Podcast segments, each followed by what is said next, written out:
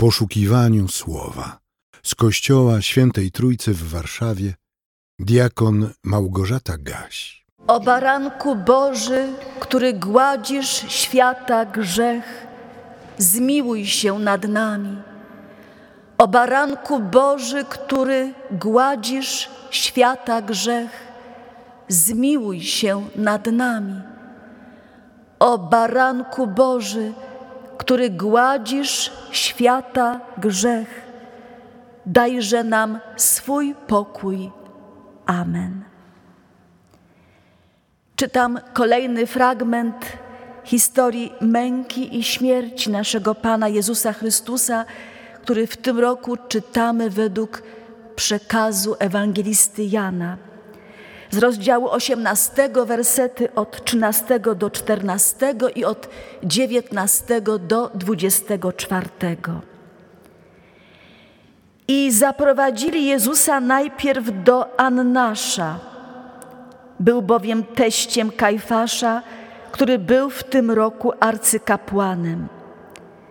A Kajfasz był właśnie tym, który doradził Żydom, że jest lepiej, aby jeden człowiek umarł za lud. Wtedy arcykapłan zapytał Jezusa o jego uczniów i o naukę jego. Odpowiedział mu Jezus: Ja jawnie mówiłem światu. Ja zawsze uczyłem w synagodze i w świątyni, gdzie się wszyscy Żydzi schodzą, a potajemnie nic nie mówiłem.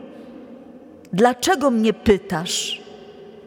Pytaj tych, którzy słuchali, co im mówiłem. Oto oni wiedzą, co ja mówiłem. A gdy on to powiedział, jeden ze sług, który tam stał, wymierzył Jezusowi policzek, mówiąc: Tak odpowiadasz arcykapłanowi?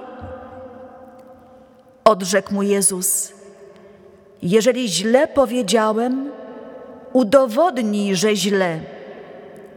A jeśli dobrze, czemu mnie bijesz? I odesłał go Annasz związanego do arcykapłana Kajfasza.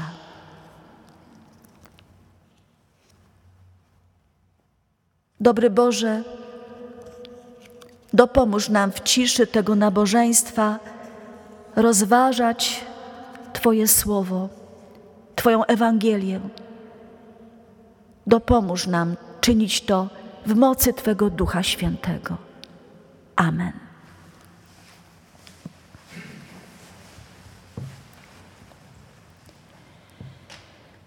Ewangelista Jan podaje nam, że pierwszym sędzią, przed którym postawiono uwięzionego Jezusa, był dawny, nieurzędujący już arcykapłan Annasz. Jak słyszeliśmy przed chwilą, Annasz był teściem Kajfasza, który aktualnie był arcykapłanem w Izraelu. Władza Annasza i kompetencje już dawno wygasły. Nie był zatem upoważniony do sprawowania sądu nad Chrystusem. Annasz cieszył się jednak wielkim autorytetem. Był moralnym przywódcą społeczności żydowskiej i prawdopodobnie pomysłodawcą wszystkich poczynań skierowanych przeciwko Jezusowi. Kierując się ciekawością czy też zwykłą przewrotnością, zaczął Annasz wypytywać Jezusa o jego uczniów i o jego naukę. Z pewnością doskonale wiedział, czego Pan Jezus nauczał. Przecież właśnie z powodu nauki głoszonej przez Jezusa został on pojmany, postawiony przez, przed sądem i już wcześniej zaocznie skazany na śmierć. Teraz, mając Jezusa przed sobą, Annasz chciał poznać liczbę jego uczniów, środki, którymi rozporządzają, miejsca, gdzie się gromadzą, czy też rodziny, do których należą. Na krótko mógł być w roli sędziego i wypytywać. Miał nadzieję, że Jezusa na czymś przyłapie, że usłyszy jakiś szczegół, którego będzie mógł się uczepić i wypytywać dalej i wprowadzać Jezusa w zakłopotanie. Ale zwróćmy uwagę, że w odpowiedzi Syna Bożego wyczuwa się spokój i majestat. Jezus odpowiada: Ja jawnie mówiłem światu. Ja zawsze uczyłem w synagodze i w świątyni, gdzie się wszyscy Żydzi zbierają, a potajemnie nic nie mówiłem. Dlaczego mnie pytasz? Pytaj tych, którzy słuchali, co ja im mówiłem.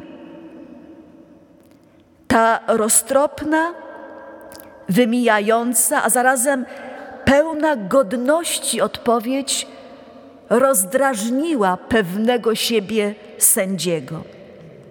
Właściwie nie miał już o co pytać.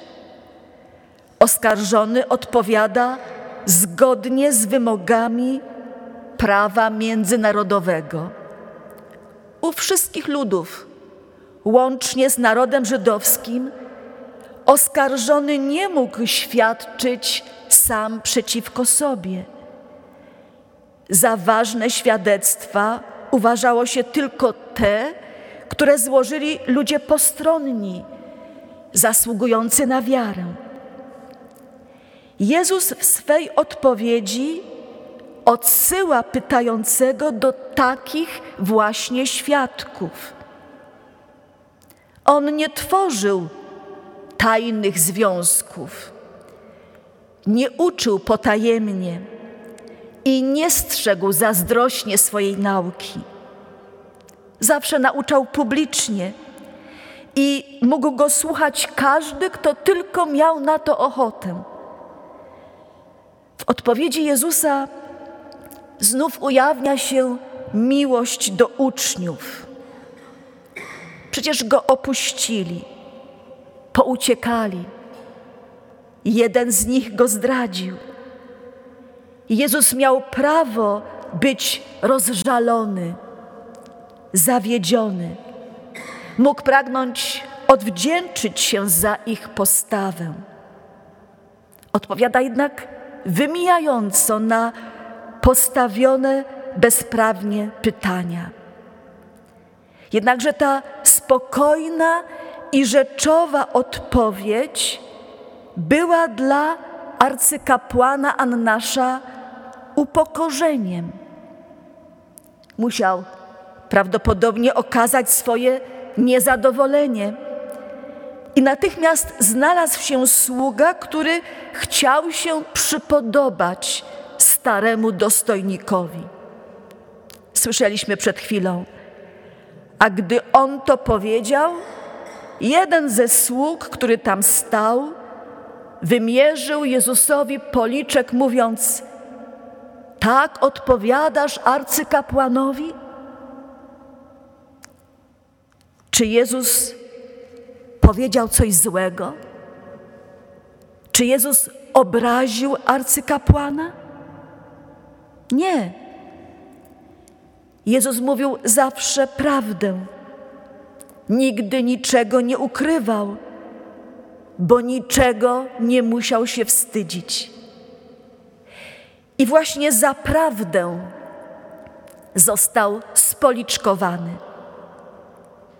Jezus spoliczkowany. Syn Boży spoliczkowany. Cóż to za zniewaga? Czy nas to nie oburza? Czy jednak ten policzek nie jest i naszym dziełem? Dziełem naszych grzechów? Nieraz rozkliwiamy się nad cierpieniami i zniewagami, jakie znosił Chrystus. Biedny Jezu, jak oni Cię bili, znieważali, maltretowali, poniżali. Zapytajmy, jacy oni? Czyż ci oni to nie my sami? Bicie człowieka skrępowanego jest aktem nikczemności i tchórzostwa. Policzkowanie Jezusa odnawia się nieustannie, ciągle trwa. Każdy grzech jest policzkiem dla Chrystusa. Każdy grzech, mój i Twój, jest policzkowaniem Syna Bożego. I przez całe wieki rozbrzmiewa, skierowany do każdej i każdego z nas, ten smutny zarzut Jezusa: Dlaczego mnie bijesz? Cóż na to odpowiemy? Nikt nie ma satysfakcji w tym, by obrażać Boga. Nikt poza nielicznymi wyjątkami nie chce specjalnie policzkować Chrystusa. Człowiek po prostu chce zadowolić siebie, choćby za cenę grzechu, choćby za cenę obrażania Boga. Nikt nie myśli wtedy o Bogu, o krzyżu. Myśli tylko o sobie, o swojej przyjemności, rzekomej korzyści. Siostry i bracia, grzesząc, policzkujemy Boga, ponieważ zapominamy, że to On powinien być dla nas najważniejszy. On, a nie moje ego. On, a nie moje ambicje, moje pożądliwości, moja chęć realizowania swoich planów bez konsultacji z Nim i z Jego Słowem. Jakże często człowiek w swojej pysze podnosi bunt przeciwko Bogu, pytając w świętym oburzeniu, dlaczego Bóg dopuszcza do wszystkich smutków i, niesz i nieszczęść świata, wojen, głodu, rozbitych małżeństw, opuszczonych dzieci. Gdzie jest Bóg? Dlaczego nie grzmi, nie każe? A gdzie są ludzie, którzy uważają się za dzieci Boże? A gdzież są ludzie, których Bóg uczynił swoimi przyjaciółmi i dał im władzę nad ziemią? Czy nie odeszli od Boga? To nie Bóg, to ludzie ludziom gotują zły los. Tak odpowiadasz arcykapłanowi?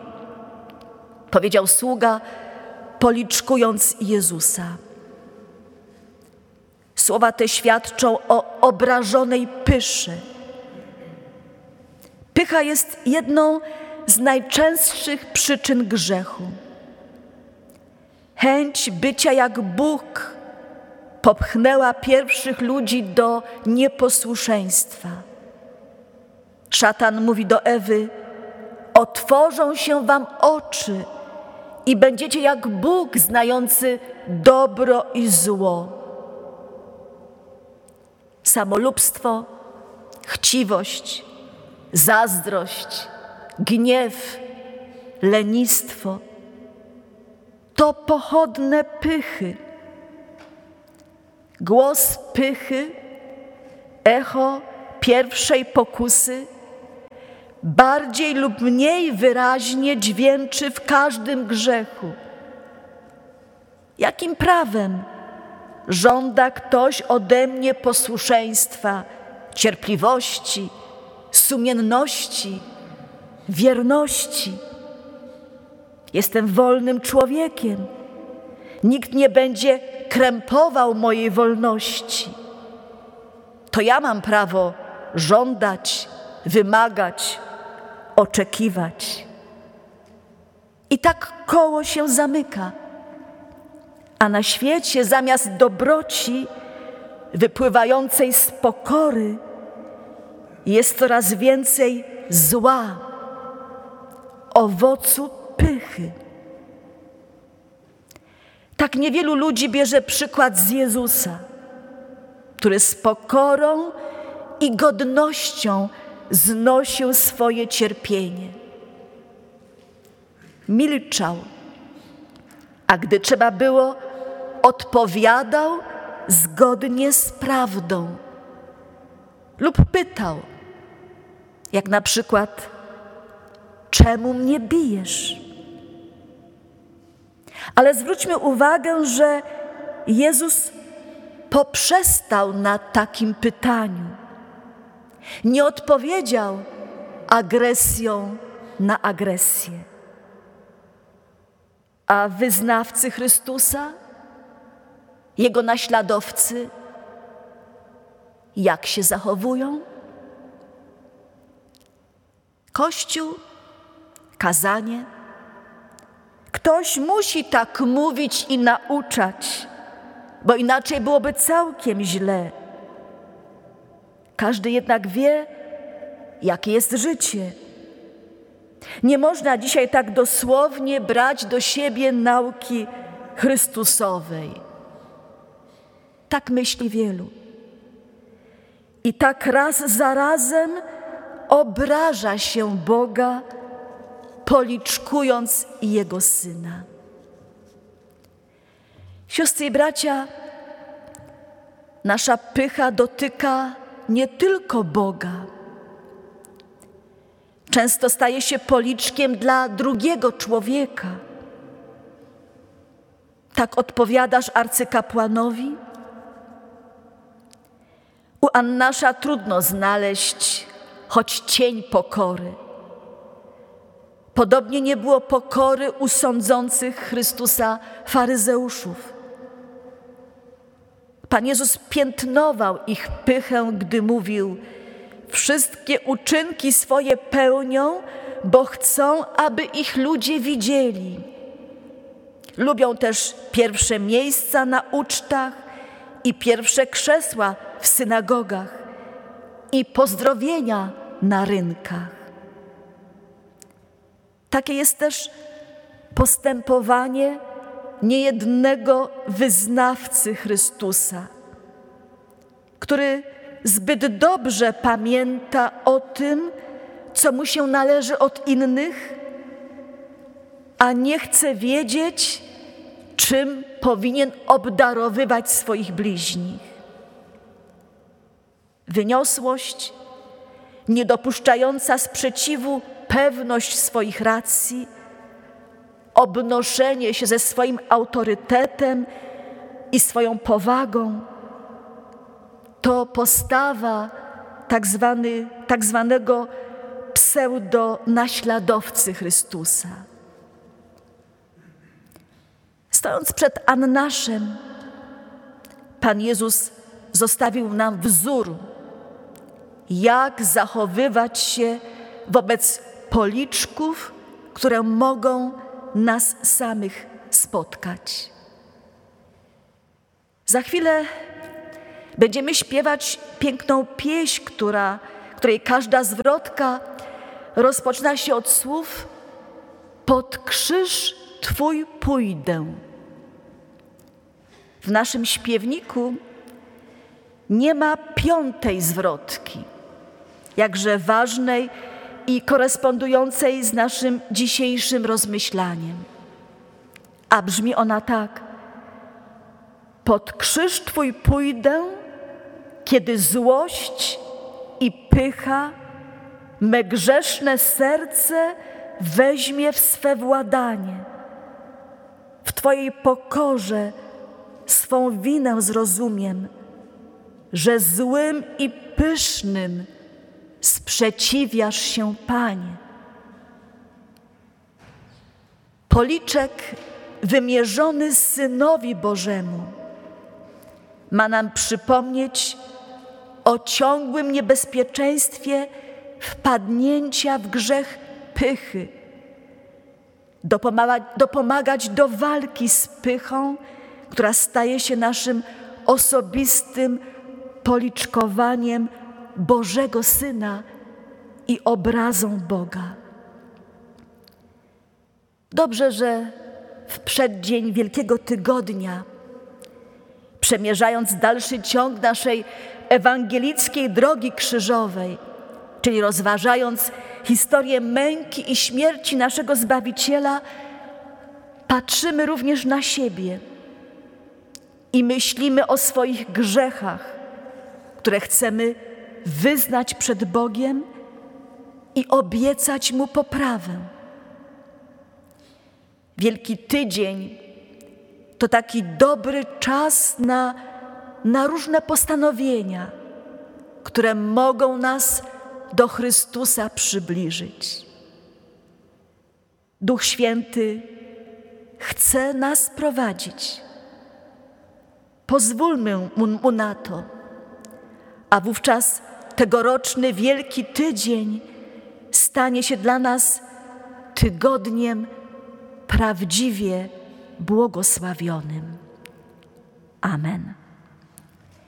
Przyjmijcie apostolskie życzenie pokoju, a pokój Boży, który przewyższa wszelkie ludzkie zrozumienie, niechaj strzeże waszych serc i waszych myśli w Jezusie Chrystusie ku żywotowi wiecznemu. Amen. Więcej materiałów na www.trójcawaw.pl